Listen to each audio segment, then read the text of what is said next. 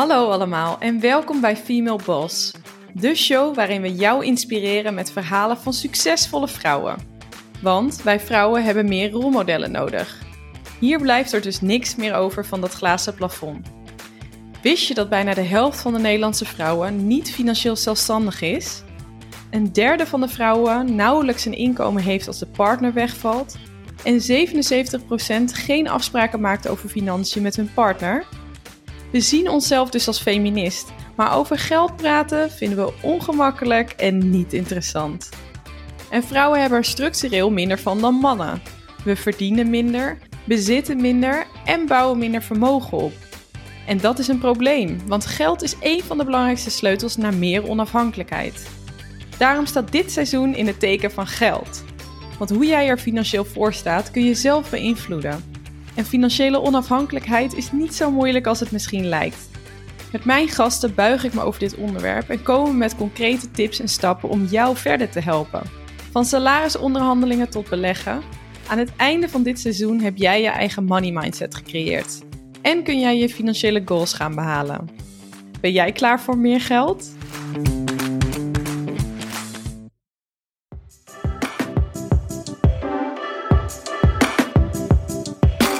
Judith Sanders is sinds 2018 duurzaam beleggingsstratege bij ABN AMRO. Judith is een ervaren specialist op beleggingsgebied, met als speciaal aandachtsgebied duurzaam beleggen. Ze schreef diverse financiële blogs en columns en schreef het boek Zal ik het anders doen? Waarom vrouwen beter zijn met geld. Ook was ze bij ABN AMRO verantwoordelijk voor de eerste uitgave van het magazine Vrouw en Vermogen. Maar bovenal was ze een van de eerste vrouwen in het door mannen gedomineerde wereldje van beleggen en helpt ze nu andere vrouwen om meer kennis te krijgen over beleggen. In dit interview leer je dan ook van Judith waarom vrouwen beter zijn met geldzaken, hoe het kan dat je vermogen afneemt wanneer je alleen spaart en met welke stappen jij op een veilige manier je eigen vermogen kunt gaan opbouwen om je financiële doelen te bereiken. Luister zoals altijd dus weer snel mee voor een goede dosis inspiratie en motivatie. Welkom Judith, te gek dat je bij de podcast bent. Ja, leuk dat ik erbij mag zijn. We gaan meteen beginnen. Wie was vroeger een rolmodel voor jou? Ja, ik, ehm, ja, een rolmodel. Dat vind ik een moeilijk antwoord. Want eigenlijk ben ik heel erg eigenwijs. Ik ben heel jong van school afgegaan. Had toen nog geen diploma's, moest gewoon aan het werk. En ben ja, al werkende, doende erachter gekomen wat ik leuk vind.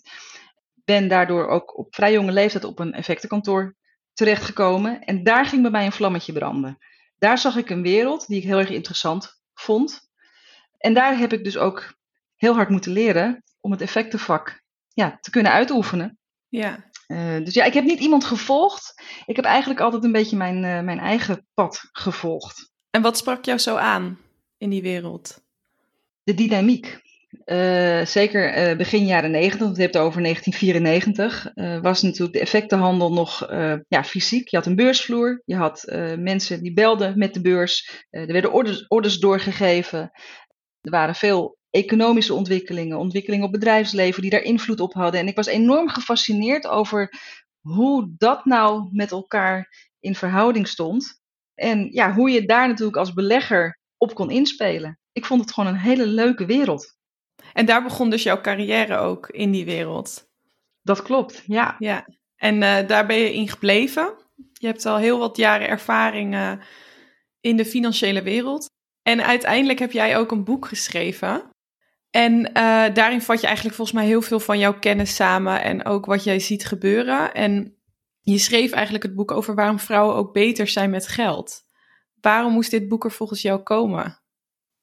Ja, dat, dat heeft verschillende redenen. En laat ik een beetje proberen bij het begin te beginnen. Um, ik ben in 1994 begonnen in het effectenvak, uh, maar dat ging niet zonder slag of stoot. Ik gaf toen de tijd aan aan mijn leidinggevende dat ik heel graag beleggingsadviseur wilde worden. Uh, en ik had een hele goede band met hem.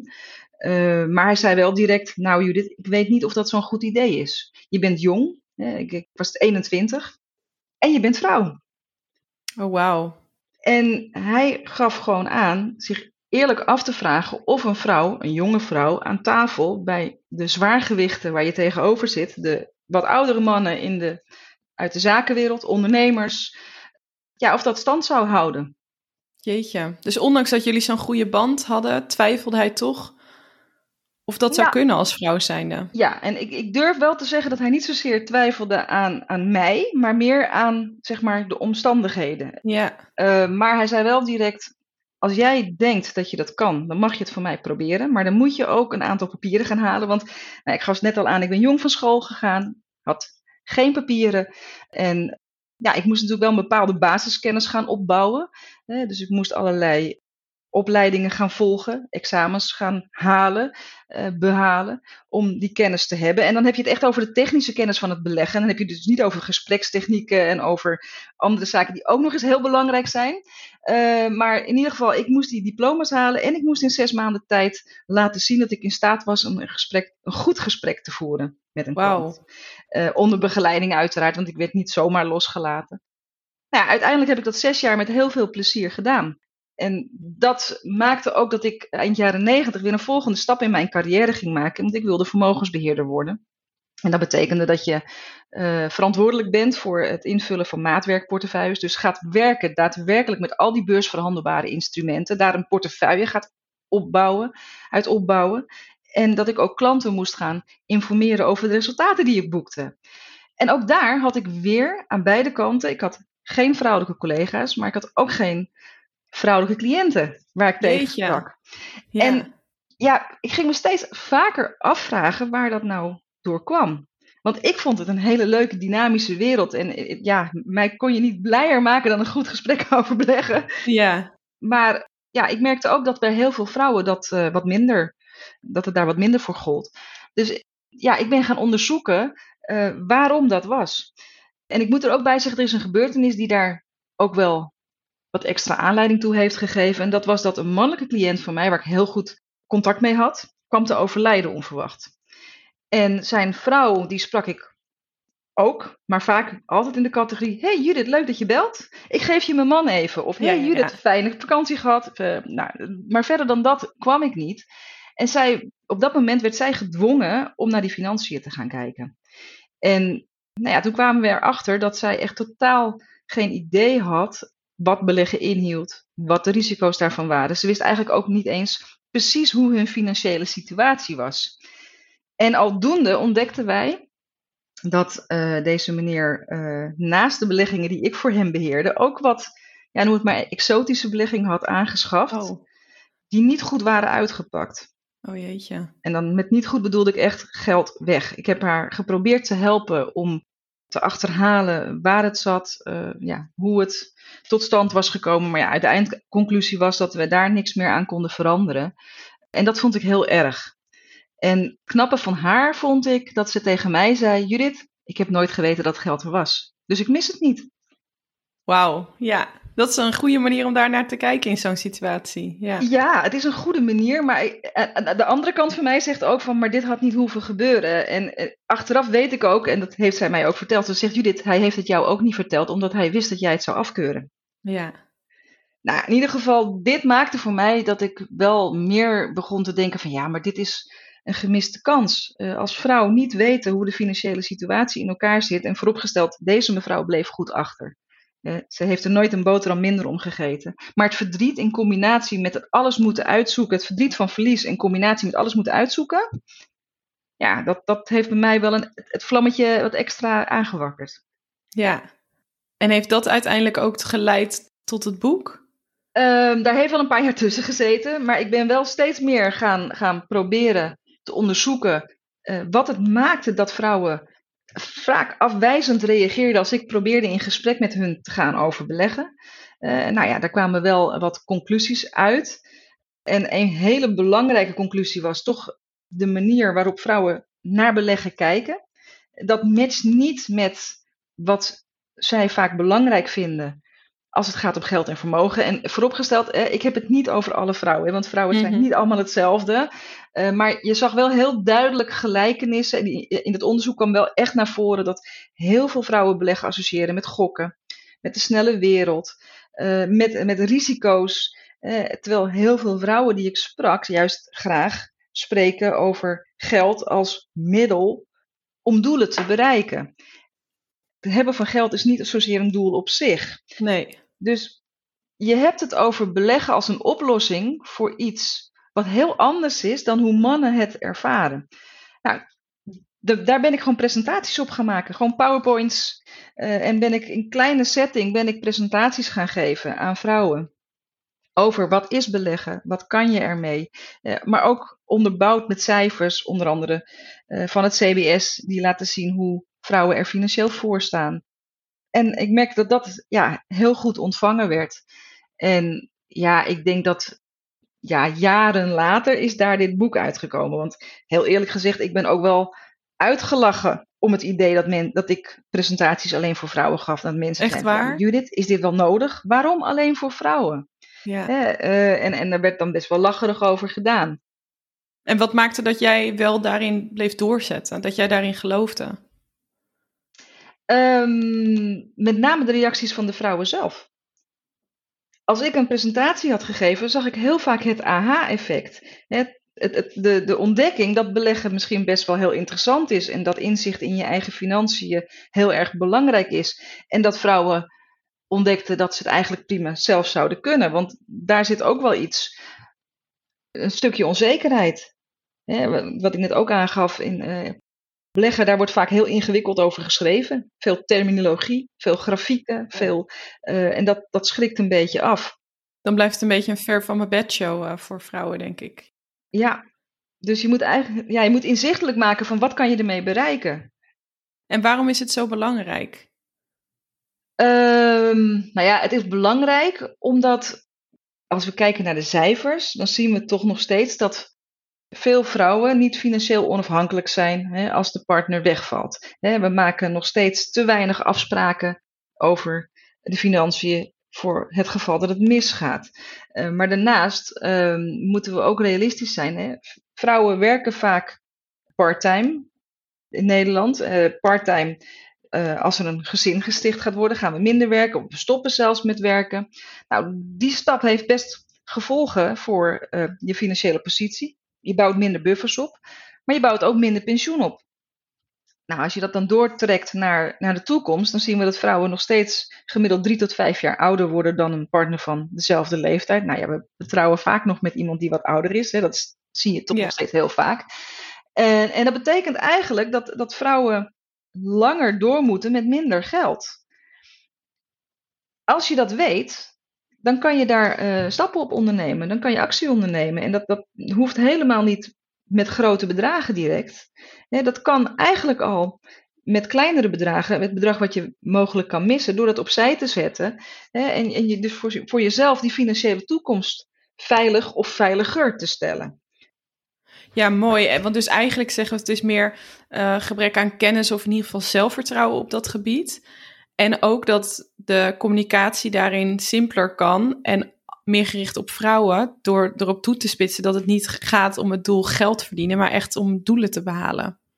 Ja, absoluut. En kijk, we moeten wat dat betreft vrouwen niet over één kam scheren, want we, we zijn natuurlijk uh, allemaal uniek. Ja. Uh, en uh, we hebben natuurlijk ook verschillende ja, leeftijdsgroepen, verschillende fases in ons leven, waarin bepaalde dingen belangrijk zijn of uitgaven meer of minder zijn.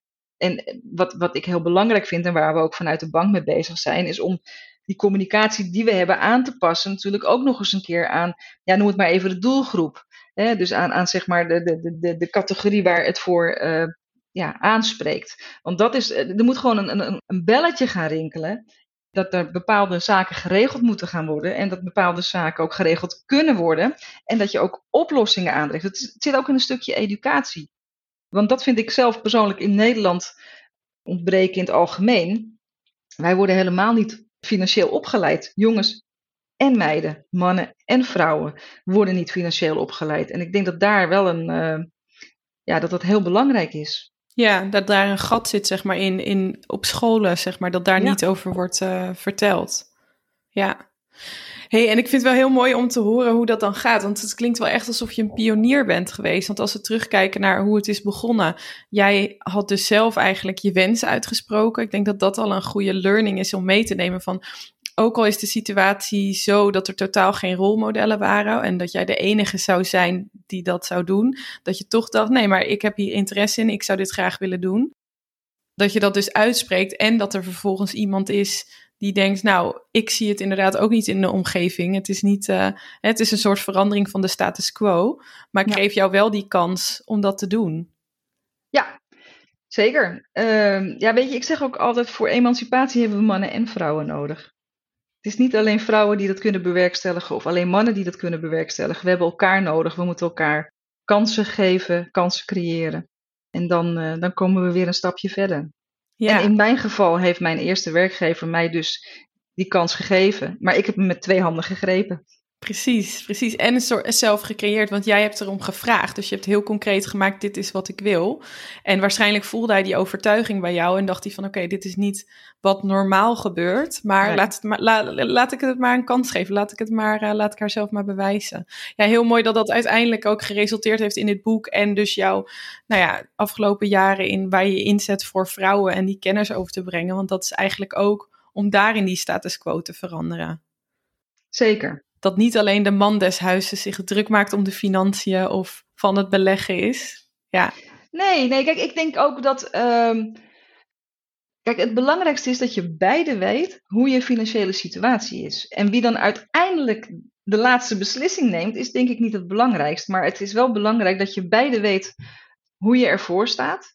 En dat je beide weet ja, uh, waar je naartoe werkt. Uh, en, en, en dat dat inzichtelijk is. Dus op het moment dat het misgaat, dat, dat beide ook uh, een zo goed als mogelijk achterblijven. Als je even kijkt naar bijvoorbeeld uh, het feit dat er in, in, in Nederland. Er wordt heel veel getrouwd, maar er wordt ook heel veel gescheiden. Ja. Uh, en de gemiddelde leeftijd van een vrouw bij een scheiding is 44 jaar. Dan zit je vaak tot je nek in de kleine kinderen of in ieder geval in de kosten. Ja. Uh, en wat heeft dat voor een gevolg voor de koopkracht? Heb je, heb je enig idee hoeveel koopkracht een vrouw verliest op het moment dat zij, gemiddeld gezien, hè, uh, gaat scheiden? Nee, nee, geen idee.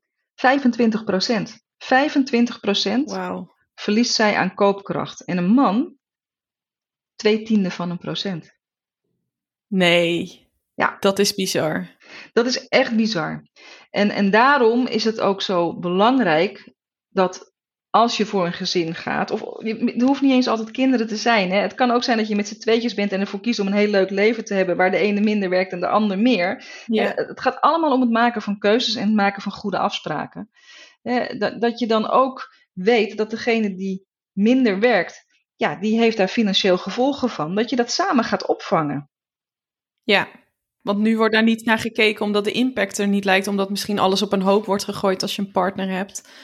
Ja. Maar op het moment dat je of uit elkaar gaat, of de situatie verandert, of er gebeurt iets er ergs. Er iemand overlijden, of er kunnen natuurlijk allerlei redenen zijn. Het gaat om inzicht. Het gaat om inzicht en het gaat om dat je dan stappen neemt om, dat, uh, ja, uh, om, om die gevolgen te beperken. Ja. ja, en het is dus zo dat vrouwen zich over het algemeen, hè, wat, dus wat afstand voelen tot het onderwerp geld, zaken en financiën. Ja. Maar eigenlijk schrijf jij in, de, in jouw boek dat vrouwen misschien zelfs beter zijn met geld in vergelijking met mannen. Ja, ja, ja klopt. Kijk, um, laat ik zo zeggen. Er zijn een aantal zaken die, die wel opvallen. En, en dat is een, stu een stukje terughoudendheid. Hè. Uh, vrouwen laten zich een beetje tegenhouden om uh, ja, de geldzaken in, in eigen hand te nemen. En daar zijn wel wat interessante onderzoeken naar gedaan, waaronder een onderzoek, onderzoek van de Nederlandse Bank, waarin zowel mannen als vrouwen een bepaalde vragenlijst moesten beantwoorden. En dan had je een, een antwoord, het goede antwoord of het verkeerde antwoord. En dan kwam er eigenlijk uit dat vrouwen een, een, ja, heel erg onzeker zijn over het geven van een antwoord. Dus bij een derde optie, hè, ik weet het niet, werd heel vaak gekozen voor de ik weet het niet. En op een gegeven moment werd dus zeg maar die, die, die derde optie weggehaald en waren er weer die twee antwoorden. En zag je eigenlijk dat vrouwen best vaak het goede antwoord gaven. Wauw, interessant. Maar ze moesten er ook bij vertellen hoe ze zich daarbij voelden. En dat, daar kwam heel duidelijk naar boven dat ze zich er onzeker bij voelden. Nou is het tweeledig. Vrouwen hebben over het algemeen minder kennis over financiën. En dat komt omdat ze zich er minder mee bezighouden. Dus het is een beetje oorzaak-gevolg. Op het moment dat je ziet dat vrouwen zich meer met financiën bezig gaan houden, hebben ze dezelfde kennis of zelfs meer kennis. Dus de conclusie daaruit is dat vrouwen vaak door onzekerheid bepaalde beslissingen niet nemen, omdat ze denken dat ze die kennis niet hebben. En dat is natuurlijk zonde. En dat houdt ons ook een beetje tegen om, uh, ja, om de financiën in eigen hand te nemen. Nou, vertaal je het door naar beleggen, waar ik natuurlijk met name mee bezig ben, ben dan zie je dus dat vrouwen vaak beter beleggen dan mannen. En dat heeft niet zozeer te maken dat wij betere keuzes voor individuele aandelen maken, maar dat heeft gewoon meer te maken met het feit dat wij, voordat we gaan beleggen, ons heel goed verdiepen in wat beleggen is. Vervolgens vaak een goed plan maken. En dat plan ook blijven volgen en ons niet laten leiden door de waan van de dag. Dus wij maken minder transactiekosten. En die minder transactiekosten, dat heeft een positief gevolg voor je rendement. Want minder kosten uh, ja, is, is, is meer rendement. Dus dat is eigenlijk een belangrijk verschil tussen mannen en vrouwen, is dat wij ons niet laten leiden door de waan van de dag. En ook dat wij minder risico's nemen. Mannen hebben toch vaak nog het spelelement in beleggen vinden het mooi. Nog een beetje dat gokken. Dat gokken, die beurs verslaan. Ja, en dat vertaalt zich niet altijd in meer resultaat. Dus ja, wij hebben eigenlijk gewoon ja, het juiste karakter, rustig, om, om succesvol te kunnen beleggen. En dat heeft niet één onderzoek, maar dat zijn echt heel veel onderzoeken die aantonen dat dat leidt tot een beter resultaat. Nou, meer vrouwen beleggen op die manier dan mannen. En dat maakt dat wij de betere belegger zijn. Ja, wat mooi. Nou, dit is al extra motivatie om ons hierin te verdiepen. Want eigenlijk, statistisch gezien, blijkt uit de cijfers dat we echt wel goede basis hebben om dit uh, te gaan doen. Dus ja. verdiep je hier vooral in. Ja, en um, sparen, dat, dat, dat zeggen veel mensen. Ik zet gewoon op mijn spaarrekening. Maar, nou ja, ook in jouw boek is te lezen. Waarom is sparen anno 2022 niet meer de beste keuze? En wat is het alternatief? Nou ja, kijk, weet je, sparen op zich, daar is niets mis mee. Want het is heel goed om een buffer achter de hand te hebben voor onvoorziene uitgaven. Iedereen zou een buffer achter de hand moeten hebben voor onvoorziene uitgaven. Ik krijg vaak de vraag, hoe groot moet die zijn? Ja. uh, dat verschilt per situatie en verschilt ook per persoon. als je alleen bent, kan je je voorstellen dat je minder buffer achter de hand hoeft te hebben dan wanneer je uh, met een gezin en twee of drie kinderen ja. te maken hebt. Daarnaast de ene voelt zich prettig bij een grotere buffer en de andere zegt, oh, met een kleinere buffer kan ik ook wel toe. Maar het is wel goed om altijd even voor jezelf in kaart te brengen van, nou ja, waar ben ik gevoelig voor? Hè? De auto, uh, bepaalde onverwachte uitgaven. Zorg dat je daar geld voor achter de hand hebt ja, houdt. Altijd een potje achterhouden. Ja, heb je daarnaast geld over, dan kan beleggen een, een, een mooie manier zijn om je vermogen te proberen te laten groeien. Nou ja, waarom zegt men in de afgelopen jaren, ja, weet je, sparen is niet goed? Omdat die rente natuurlijk nul en als je wat meer geld hebt, zelfs negatief is. Dus in, in, in het goede geval blijf je geld gelijk, gelijk en heb je nog wat meer geld, gaat, wordt je geld ieder jaar een beetje minder waard omdat je aan de bank een vergoeding moet betalen om het op een spaarrekening te zetten. Ja. Nou, dan is de conclusie natuurlijk, je geld groeit niet, maar wordt minder. En dan heb ik het nog niet eens over inflatie en over belasting. Ja. Wat er ook nog eens bij komt kijken, en inflatie is momenteel natuurlijk wel heel hoog. De rente is wel langzamerhand ook wat aan het oplopen. Maar in ieder geval, je kan wel zeggen op dit moment dat een spaarrekening er niet toe leidt dat je geld groeit. Nou, en dan is beleggen kan interessant zijn als alternatief uh, voor geld wat je voorlopig niet nodig hebt en voor, ge voor geld waar je specifieke financiële doelen mee hebt. Ja, dus dat sparen, dat is eigenlijk, hè, in ieder geval, je kan nu al minder kopen dan een aantal jaar geleden. En dat gaat de komende jaren zich ook voortzetten. Dus stel dat je nu 100 euro op de bankrekening spaart, dan kan je daar straks minder van kopen. Want de boodschappen worden nu ook al duurder. Dus dat is een, ook een logisch gevolg. Maar er zijn dus alternatieven. Ja, ja dan, dan, dan kan, uh, kan beleggen kan een, een leuk alternatief zijn voor geld wat je dus niet nodig hebt, waar je ook bereid bent wat meer risico mee te nemen, want het is natuurlijk wel een soort van risicoladder waar je het over hebt. Hè, sparen, daarvan zegt men, ja, dat is de veiligste optie. Uh, vervolgens heb je natuurlijk beleggen. Nou, en beleggen, daar zitten weer verschillende categorieën in, met verschillende risico- en rendementsverwachtingen. Maar dat kan wel een alternatief zijn. Ja, en het eerste wat je gaat doen is, als je gaat beleggen, dan ga je dus investeren in een bedrijf. Uh, en dan hebben we het echt over aandelen. Mm En met als doel natuurlijk dat de koers van zo'n aandeel door een positieve winstontwikkeling van zo'n bedrijf gaat stijgen. En wellicht dat er ook een stukje dividend uit een, gekeerd wordt. Een dividend is een winstuitkering uh, die je dan kan krijgen als een bedrijf het goed doet. of je gaat beleggen in obligaties. Dat betekent dat je je geld uitleent aan een bedrijf of aan een overheid en daar rente voor terug ontvangt. Nou je hebt ook natuurlijk nog vastgoedfondsen. Dan beleg je in, in, in woningen of in kantoren of in winkelpanden. Nou, vaak keren die bedrijven ook dividend uit.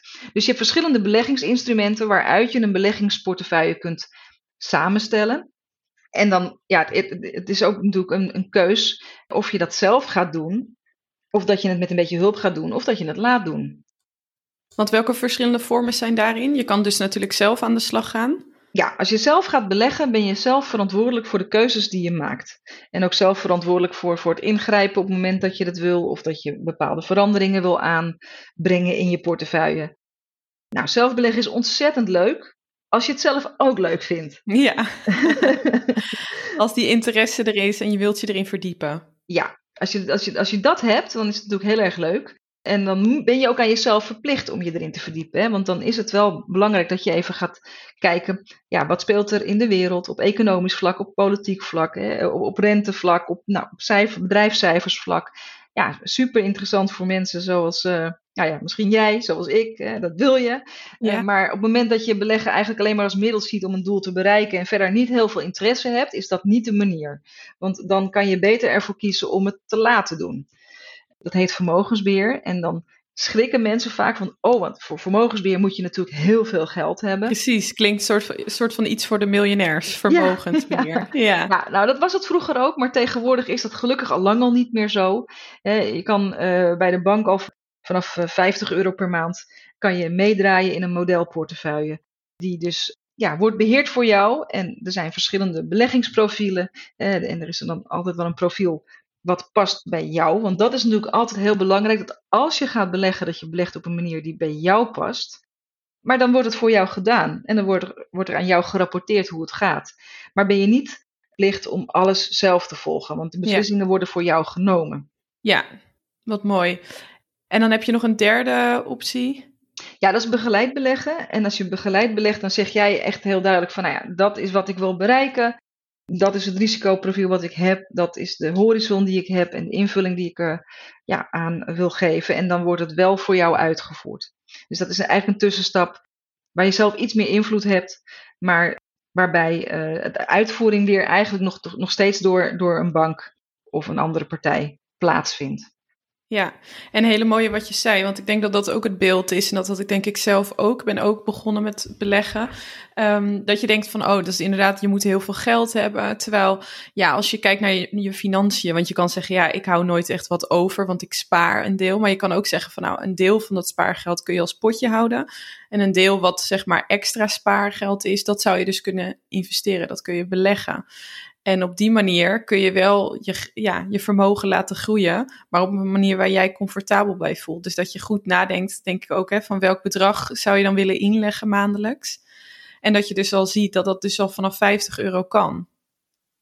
Ja, zeker. En het, het, het leuke ook van die manier van investeren is natuurlijk ook dat op het moment dat je dat gewoon automatisch doet, Hè, merk je dat niet? Je, je, je, bent er ook aan gewend dat er maandelijks een bedrag richting een, een beleggingsrekening gaat.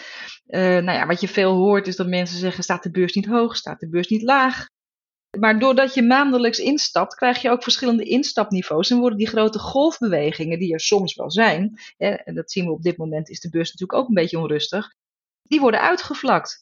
Ja. Nou, als, als je dat jaren kunt doen, dan kan je een mooie financiële buffer voor de toekomst opbouwen met een doel. Ja, iedereen heeft zijn eigen doelen. Hè. De ene wil eerder stoppen met werken, wil minder werken. Iemand anders wil een wereldreis maken. Ja, geef het een naam en maak het persoonlijk. Ja. Dat is wat beleggen ook is. Beleggen is voor jou, voor jouw doelen. En het moet gaan op de manier die bij jou past. En dat blijf ik altijd heel erg benadrukken. Uh, dat dat de uitgangspunten moeten zijn. Het moet niet geformuleerd zijn door een ander of op een manier die een ander. Nee, het, is jou, het zijn jouw beleggingen die bij jou moeten passen. En welke vragen moet je dan aan jezelf stellen om daarover na te denken? Om dus een beeld te krijgen van, nou, wat, wat wil ik? En wat, dat je daarna kunt kijken welke beleggingsvorm past daarbij. Nou ja, het allereerste vraag is natuurlijk van hoeveel geld heb ik beschikbaar? Ja. Formuleer daarna een doel. Maak het concreet. Wat wil je bereiken? Hoeveel geld wil je over hoeveel jaar hebben? Wil je over 10 jaar van, van niks naar 20.000 euro? dan weet je eigenlijk al wat je per maand moet sparen om dat te bereiken.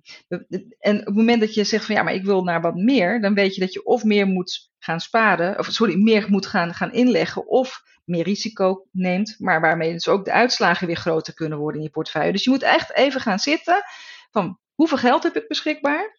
Wat is mijn doel? Wanneer wil ik het bereikt hebben? Dat is ook heel belangrijk. Ja. En ja, welk risico ben ik bereid te nemen? En dat is best een moeilijke vraag, hè, want maak risico maar eens concreet. Maar ja, dit is wel een hele belangrijke. Op het moment dat jij belegt en je ziet uh, als die beurs wat onrustig wordt uh, en die portefeuille die zakt een keer met 10%, wat gewoon kan gebeuren. Stel jezelf maar die vraag, hoe voel ik mij daarbij? Nou, als je heel erg onrustig wordt en denkt van ja, maar dat trek ik echt niet, dan is beleggen misschien minder geschikt voor jou. Mm maar als je zegt van ja, weet je, ik weet dat als het dit jaar gebeurt, maar ik heb het over 20 jaar nodig, ik maak me niet druk of over 10 jaar nodig, dan ben je duidelijk bereid om wat meer risico te nemen. Dus dat zijn wel de vragen die je jezelf moet stellen. En gelukkig word je natuurlijk ook op het moment dat je gaat beleggen bij de bank, dan moet je een een hele vragenlijst invullen. En dan komen dat soort vragen ook allemaal aan bod. Hè, waardoor je voor jezelf inzichtelijk kijkt van nou, welke manier van beleggen, welke risicoprofiel, welke invulling van mijn portefeuille, want daar heb je het over, past het best bij mij. En dan komt er een beleid uit voort. En dan kan je beginnen. En dat, wat ik zeg, dat kan met kleinere bedragen, kan dat heel goed. Hè, want uh, uiteindelijk moet je ergens een keer beginnen. En de meeste mensen beginnen niet met een heleboel geld te beleggen. Nee, die gaan beginnen met beleggen met kleinere bedragen, zodat ze naar de toekomst toe vermogen op kunnen bouwen. Ja, en dat is ook de, het statement toch van je kan maar beter jonger of vroeger beginnen, want dan heb je het het rente op rente effect. Ja. En dan kun je misschien met kleinere bedragen, door kleinere bedragen in te leggen, grotere resultaten bereiken. Door dus dat die rente zich blijft ontwikkelen op jouw groeiende vermogen. Ja, klopt. Ja, absoluut. En uh, kijk, als, je, als, het, als het je lukt om op je 25ste bij wijze van spreken met 50 euro per maand te gaan beginnen, dan is dat heel mooi. Eh, lukt het je pas op je 35ste, dan red je dat doel niet meer met 50 euro in de maand. Nou ja, reken door naar je 45ste, dan moet je nog meer gaan investeren om hetzelfde doel te bereiken. Ja. Dus precies wat jij zegt, het rente-op-rente verhaal op lange termijn. Ja, dat is, uh, dat, is, dat is een heel mooi uitgangspunt om te beginnen met het uh, opbouwen van, uh, van, van een vermogen voor de toekomst. Ja. Ja, super. Maar dus wel ook al, hè, van welke leeftijd ook, niet beginnen is altijd minder goed dan later beginnen. En je kunt altijd manieren bedenken. Dus wel goed om daar alsnog mee aan de slag te gaan of je in te verdiepen. Maar inderdaad, wat je zegt, eh, hoe vroeger je begint, hoe meer het loont eigenlijk. Ja, en zeker als je het geld echt, als je het geld over hebt, hè, laat je het op je, op je, op je rekening staan, dan uh, verdwijnt het misschien richting uh, waar je nu wat aan hebt, maar in de toekomst niet zo heel veel meer. En op het moment dat je gewoon ieder maand een bedrag wat je in principe over hebt, omdat je al je lasten hebt eh, betaald, omdat je alle leuke dingen hebt gedaan die je wilde doen, omdat je voldoende geld op je spaarrekening hebt, en dan nog een bedrag over hebt, dat wordt automatisch afgeschreven ja, dan, dan, dan voel je daar natuurlijk uh, dan voel je daar niets van. Precies. En het lijkt allemaal nog ver weg, hè? ook als je nadenkt, als, je, als je horizon is voor rond je pensioen. Dat lijkt allemaal heel ver weg, maar de tijd gaat natuurlijk hartstikke snel. En wat jij aangeeft, als je het geld kunt missen, dan let je er ook niet zo op. En dan geef je het anders weer uit aan een paar koffietjes. Terwijl je straks misschien wel met vervroegd pensioen kan en een wereldreis kunt maken. Of weet je, natuurlijk je eigen invulling van je dromen. Maar dat het. Uh, ja, goed is om daar wel over na te denken. Ja, hoe lekker is dat? En kijk, een mensenleven is natuurlijk ook, kan ook veranderen. Hè? Je kan uh, plannen maken voor de toekomst en in de toekomst kan blijken dat het toch anders loopt. Ja. Maar dan toch nog steeds is het fijn als je dat hebt. En het grappige is, tenminste, ik, ik vind het ook altijd wel heel interessant om onderzoek te doen naar het psychologische effect van beleggen en van hoe mensen reageren en ook op financiën. En nou ja, er zijn wel tal van onderzoeken die aangeven dat het voor ons mensen heel moeilijk is om in de toekomst, ja. Ja, om nu actie te ondernemen voor de toekomst. En want het is heel ver weg. Ja. En nou ja, het voert wat ver om dat allemaal uit te leggen. Maar als je weet dat wij dat heel moeilijk vinden, doe het dan nu gewoon, als het kan. Ja, doe het even goed. Ook al doe de connectie verder weg. Ja. En noem het geen pensioen misschien, hè, omdat het heel saai is, maar noem het, geef het een andere naam. Ja. maar het, het gaat om uh, dat je voor jezelf concreet maakt, wat wil ik bereiken? En, en, en geef daar invulling aan. Ja, en je hebt natuurlijk ook de FIRE-beweging nu, die wat populairder is met Financial Independent Retire Early. Dus nou ja, wie weet dat dat nog op een andere, een eerdere leeftijd kan. Maar um, ja, nee, dat is uh, zeker goed om, om mee bezig te zijn. En wat ik zelf merkte, is dat voordat ik begon met beleggen, ik voelde er afstand van, hè, van die wereld. En ik kreeg vanuit het nieuws kreeg ik dan berichten mee dat het uh, de beurzen instortte, of dat het slecht ging met de economie. Weet je, heel veel onzekerheid en onduidelijkheid. Um, dus dat je er weinig vertrouwen in hebt dat als je geld daar stalt, om het even tussen aanhalingstekens te zeggen, zoals je bijvoorbeeld op je spaarrekening doet, om daar zomaar geld naartoe te brengen, voelt heel onzeker en onveilig. En je denkt, ja. waar stuur ik mijn geld naartoe? Terwijl als je er wat meer in verdiept, is dat je eigenlijk gewoon gaat kijken naar de geschiedenis. En dan zie je, dat, dat, dat weet jij veel beter dan ik. Maar dat was voor mij echt een inzicht dat de beurs zich altijd positief ontwikkelt. Dus dat die uiteindelijk, als je uitziet over meerdere jaren, over tientallen jaren, dan zie je dat de beurs altijd stijgt. Dus hij kan een jaar of een paar maanden of een paar jaar ja. in een dal zitten of juist pieken. Maar over het algemeen is die gemiddelde lijn dus stijgend. Dus zal, zal er altijd een positieve ontwikkeling zijn op jouw geïnvesteerde geld. Als je horizon lang genoeg is. Ja, kijk, en er zijn natuurlijk ook manieren om op in te spelen. Als om wat voor reden jouw doel toch ja, niet realistisch blijkt, hè, dan, dan kan je een aantal dingen doen. Je kan zeggen, ik, ik ga mijn horizon wat verlengen. Hè, ik neem iets meer de tijd. Uh, je kan ook zeggen, ja, ik, heb, ik begon ooit met 50 euro, maar tegenwoordig kan ik 100 euro investeren. Hè, dus je, je, je verhoogt je inleg. Ja. Of je stelt hem bij. Uh, maar niets doen, hè, eh, als we dan weer even terugpakken naar die spaarrekening. Hè, op dit moment betekent 10 jaar tegen de huidige condities van uh, geen rente, inflatie en belastingdruk, betekent ook dat je vermogen achteruit gaat. Ja, en dat is denk ik een goede key om te onthouden. Van je denkt dan, oh, het staat veilig op mijn spaarrekening. Maar eigenlijk ja. Nou ja, is dat ook een effect op je vermogen. Het heeft ook effect op je vermogen. En het, je moet gewoon een goede afweging maken van ja, wat, wat is mijn situatie? Wat kan ik? Hoe lang kan ik het missen, het geld? Ja. dus, dus, dus ik kom altijd wel weer even terug op die vragen van ja, hoeveel geld heb je beschikbaar? Wat is je doel? Welk risico kan en wil je nemen? Want je hebt een financieel risico. Hè, wat kan je nemen. Maar je hebt ook een emotioneel risico. Wat wil je? Waar voel je je mhm. prettig bij? Ja. Uh, en probeer ook hetgeen wat je wil bereiken, de invulling van je portefeuille, daar zo dicht mogelijk bij te houden. Hè? Uh, ik kreeg vroeger op, als antwoord van ja, welk doel heeft u? Heel vaak ja, zoveel mogelijk rendement. Ja. Nee, dat is geen doel. Dat is een wens. Hè? Maar op het moment dat jij van uh, bedrag A naar bedrag B moet en je hebt daar 3% rendement per jaar over nodig in een, in een periode van 10 jaar. Mm Ja, waarom zou je dan zoveel mogelijk rendement nastreven met het, al het risico van dien? Ja, het risico dat je het dus ook niet kunt krijgen. Het risico ook dat je het niet behaalt. Dus probeer ook wat dat betreft, en daar zijn wij natuurlijk ook met al onze proposities altijd heel erg, letten wij er heel erg op, dat hetgeen wat je wilt bereiken dicht bij de invulling van je portefeuille zit. Zodat de kans dat je het bereikt ook het grootst is. Ja, en portefeuille, dat is eigenlijk het, uh, de, de groep of vorm van beleggen. Dat is jouw portefeuille. Jouw portefeuille is uh, zeg maar jouw uh, portie, jouw aandelenpositie, jouw obligatiepositie, die van jou specifiek is, die op jouw naam staat en die werkt aan jouw doelen. Ja. Dat noemen ze de effectenportefeuille. Ja. Hey, en voor luisteraars die denken: oké, ik weet hier nog niet zoveel van, of ik heb me hier nog niet zo in verdiept. Heb jij tips om eerste stap op dit gebied te zetten? Ja, ga gewoon zitten en maak een plan. Dat is toch echt het eerste belangrijke en dat hoeft helemaal niet ingewikkeld te zijn. Ga gewoon je wensen en je doelen opschrijven en maak het concreet. Wat heb je ervoor nodig? Wat wil je ervoor laten of wat wil je er niet voor laten? Maak ook een realistisch plan. Weet je, leg niet de lat uh, heel erg hoog, maak gewoon een realistisch plan. Dat is het eerste belangrijke. En dan kan je verder gaan doorschakelen van, oké, de conclusie is, dit wil ik bereiken. Dan ga je kijken, hoe wil ik het bereiken? Nou, dan is het, ga ik het zelf doen, hè, met alle ja, eh, verantwoordelijkheden die je zelf dan hebt, maar die ook heel leuk en uitdagend is? Ja. Of ga je het laten doen met eh, een stukje meer rust, maar ook een hele goede beslissing? Ja, en dan is het gewoon gaan. Ja. Op een gegeven moment moet je ook gewoon gaan. Ik merk dat heel veel mensen vaak heel lang blijven hikken tegen dat moment van oké, ik weet wat ik wil en ik weet hoe ik het wil, maar wanneer wil ik het? Ja. En um, zonder generaliserend te zijn, ik merk dat heel veel vrouwen dat moment voor zich uitschuiven. Ik ben nu even druk, nu even niet, denk er nog even over na. En ik heb nog allerlei redenen waarom ik het niet, niet, niet nu doe.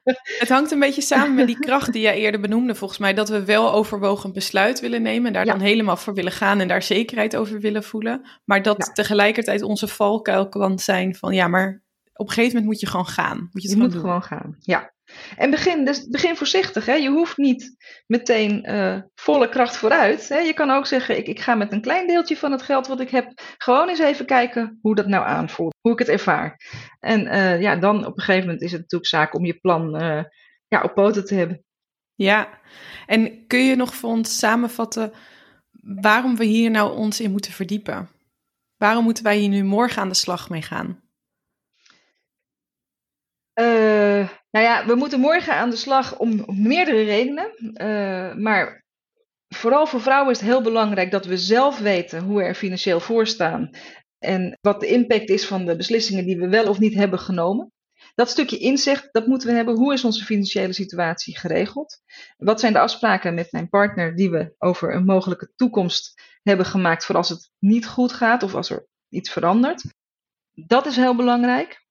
En ja, het is gewoon ook fijn hè, om financieel inzicht te hebben, onafhankelijk te zijn. Want het geeft ons vrijheid om de dingen te doen die we willen doen. En ik denk dat dat een hele, hele belangrijke is. Je wil gewoon niet afhankelijk zijn van een ander voor jouw toekomst, voor jouw financiële toekomst. Ja, want we zijn een individu. En Simone de Beauvoir, die schreef het al een halve eeuw geleden van... Je bent pas echt onafhankelijk als jij financieel gezien je eigen keuzes kunt maken. Dan kun je ja, los van andere mensen eigen beslissingen nemen. Ja, en dat is rijkdom. Gewoon het feit dat je het kan. Dat heeft dus niet te maken met de hoeveelheid geld, maar wel met gewoon het feit dat je dat kan. Ja, en dat je je verbonden kunt voelen met een partner en dat het niet vreemd is of, of gek om even goed met je eigen financiële situatie bezig te zijn, denk ik. Nee, nee, absoluut. Het is denk ik alleen maar een hele goede ontwikkeling. Ja, ja, nou, ik voel het wel heel erg. Meteen weer zin om mezelf ook verder te verdiepen. En ik hoop dat mensen dat ook hebben die luisteren van, nou, dit is geen ver van mijn bedshow. Ik kan hiermee aan de slag gaan. Ga je jezelf er vooral even in verdiepen. En, uh, en maak die eerste stap, want dat is gewoon heel belangrijk. En nou ja, wat Judith al aangaf, hoe eerder, hoe beter. Judith, ik ben nog heel benieuwd. Wat heb jij zelf geleerd gedurende jouw financiële reis? Alles wat jij de afgelopen jaren hebt geleerd. Wat was voor jou een eye-opener? Um, nou ja, voor mij geldt inderdaad financiële onafhankelijkheid betekent vrijheid. De vrijheid om mijn leven in te richten zoals ik dat zelf wens. En dat vind ik heel erg belangrijk. En hoe heb je dat ervaren, dat je dus zelf die keuze kon maken?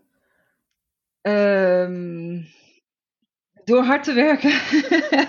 ik, ik, begon natuurlijk uh, niet bepaald als iemand met een, met een goede toekomstverwachting op de arbeidsmarkt. En enerzijds is dat natuurlijk een keuze die ik, geweest die ik zelf heb gemaakt, want ik vond school niet leuk. En mm -hmm. uh, het, ik, ik, kon mezelf niet motiveren om daar uit te halen wat daarin uh, zat. Aan de andere kant heb ik wel zelf altijd heel erg hard gewerkt om, toen ik eenmaal op de plek zat waar ik het leuk vond, wel er maximaal uit te halen wat daarin zit. En dat heeft enerzijds het gevolg dat ik gewoon ontzettend veel plezier heb in mijn werk. En anderzijds natuurlijk ook ja, het leven kan leiden zoals ik het graag wil leiden. En dat is vrijheid. Ja, ja, super inspirerend. En heel mooi dat, nou, wat je zegt, dat, dat het zag er allemaal anders uit toen jij begon. Maar kijk waar je nu staat, hoe je daar bent gekomen, hoe je daarvoor hebt moeten doorzetten en hoe je nu andere vrouwen weer inspireert om datzelfde te, bereiken en ook inhoudelijk stappen te maken, om, omdat het gewoon allemaal kunnen. Ja, zeker. Ja. ja. Nou, Judith, we gaan naar de afsluiting toe. Hoe zou jij nou samenvatten waarom we nu als jonge vrouwen hiermee aan de slag moeten?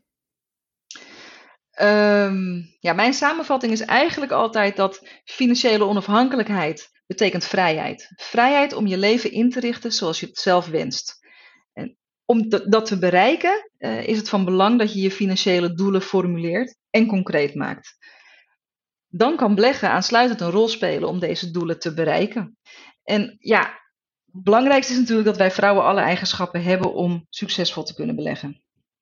Ja, dat laatste is ook een hele mooie learning, denk ik. En met dat inzichtelijk maken van je doelen, dat helpt natuurlijk ook om dat al te voelen en daarover na te denken. En nou, misschien ook in, eh, als je een vision board hebt, om daarin op te nemen, waar wil je naartoe? En dat je daar nu al stappen voor kunt gaan maken. Ik denk dat dat een hele mooie is om daar nu al uh, actie op te kunnen ondernemen. Zeker, zeker. Het realiseren van, het, van je dromen eigenlijk. Ja, ja dat, dat met name. En uh, ja, ook, uh, je hebt het over dromen, je hebt het over doelen, je hebt het over gewoon prettig kunnen leven. Ik denk dat dat ook heel belangrijk is. En dan is haalbaarheid ook belangrijk. Want uh, ik weet niet, voor mezelf sprekend weet ik soms dat als ik doelen te hoog stel, dat het niet heel ontspannen is om ze te proberen te bereiken. Terwijl als je ze iets lager stelt, dat je ze wat makkelijker bereikt. Ja, precies. En daar ook over na te denken, ook al heb je kortere termijn doelen, bijvoorbeeld je spaart voor een woning, want nou, de woning, huidige woningmarkt is natuurlijk uh, hartstikke moeilijk om de, daar een woning in te vinden. En dan heb je al je geld eigenlijk voor nodig om een, om een huis te kunnen kopen. En dat is natuurlijk ook een investering. Um, maar dat je misschien nog kunt kijken of er toch iets is wat je maandelijks opzij zou kunnen zetten. Los van het geld wat je dus spaart voor zulke grote investeringen die heel erg op de korte termijn zitten. Dat je toch kunt kijken van nou, zou, zou ik ook iets kunnen doen voor de langere termijn? Nou, je zegt daar iets heel belangrijks. Ik vind de toekomst is heel erg belangrijk. En zeker als we kijken naar het sociaal stelsel in Nederland, wat steeds verder afkalft. Hè. We moeten steeds meer voor onszelf zorgen. Dus die toekomst is ontzettend belangrijk. Maar uh, het leven in het hier en nu is ook heel erg belangrijk. Dus nu alles richten op de toekomst is misschien ook een beetje te hoog gegrepen. Zoek een goede balans daarin, dat, je het ook, dat het ook haalbaar blijft en dat het ook leuk blijft. Dat is eigenlijk wat ik net ook probeerde te zeggen. Op het moment dat de lat te, te hoog is, ja, wordt het steeds aantrekkelijker om het niet te doen. Want dan ja. wordt het te moeilijk. Uh, en zeker ook voor, hiervoor geldt dat, je, dat het realistisch moet blijven en prettig moet blijven. Ja, dus ladies, ga erover nadenken. Wat wil je op lange termijn en op korte termijn? En nou, kijk hoe je daar naartoe kunt werken met of door zelfonderzoek te doen of door uh, hulp in te schakelen. Want dat kan dus al eigenlijk ook vanaf een laag bedrag per maand. Dus het is niet zo dat het alleen voor miljonairs is weggelegd. Maar ook wij kunnen allemaal een vermogen opbouwen en nou ja, ons vermogen laten groeien. Um, Judith, ik wil jou heel erg bedanken. En ik ben heel erg benieuwd, jij bent voor ons een echte female boss. Van welke female boss zou jij haar verhaal willen horen? Wat ik heel leuk zou vinden is als Chantal Korteweg, directeur Inclusive Banking bij ABN AMRO, haar verhaal vertelt. Want ik vertel natuurlijk mijn verhaal vanuit de beleggingskant, vanuit mijn expertise. Maar Chantal weet ontzettend veel uh, over inclusive banking, heeft ook onderzoek laten uitvoeren naar het belang ervan. Dus ik denk dat zij een hele leuke is om te interviewen. Wat mooi. En wat houdt inclusive banking in? Kijk, wij hebben het natuurlijk steeds over mannen en vrouwen. Maar mm inclusiviteit is meer dan mannen en vrouwen. Dat is natuurlijk cultuur, religie, uh, geaardheid. Uh, maar ook mensen met een, met een beperking, afstand tot, tot de arbeidsmarkt. Hè, dat, dat, dat, dat omvat veel meer dan alleen het verschil tussen mannen en vrouwen. En eigenlijk is dat natuurlijk heel mooi, want we zijn allemaal, uh, ja, we verschillen allemaal van elkaar. Ja, supermooi. Supermooi. Dus Chantal Korteweg, dus een andere female boss waarvan we zeker haar verhaal moeten horen. En volgens mij had Rikst haar ook al aangedragen van dat dat een hele interessante vrouw is. Dus zeker eentje die we gaan opschrijven. En Judith, dan wil ik jou heel erg bedanken voor dit inspirerende en vooral motiverende verhaal en hoe we direct actie kunnen ondernemen. Dus uh, heel erg bedankt daarvoor. Ja, heel graag gedaan. En uh, vooral ook heel veel succes met deze mooie reeks uh, podcasts. Dankjewel. Yes, en we hebben ook nog een hele leuke giveaway actie. Judith heeft natuurlijk het boek geschreven Zal ik het anders doen? Waarom vrouwen beter zijn met geld. En die mogen wij weggeven. Dus deel de podcastaflevering in jouw Instagram stories en tag @femaleboss de podcast en judith.sander-abn-amro. Als je die account tagt, dan kunnen wij dat weer delen en dan uh, maak je kans op het boek.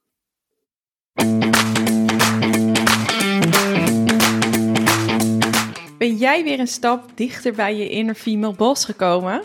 Deel de aflevering dan vooral met een vriendin die dit ook gunt. En ik zou het te gek vinden als je op Spotify of Apple Podcast een review achter zou willen laten. Op die manier kunnen we samen meer vrouwen bereiken en dus inspireren en motiveren. En abonneer je hier ook op de podcast, zodat je op de hoogte blijft van nieuwe afleveringen. Dankjewel en tot snel!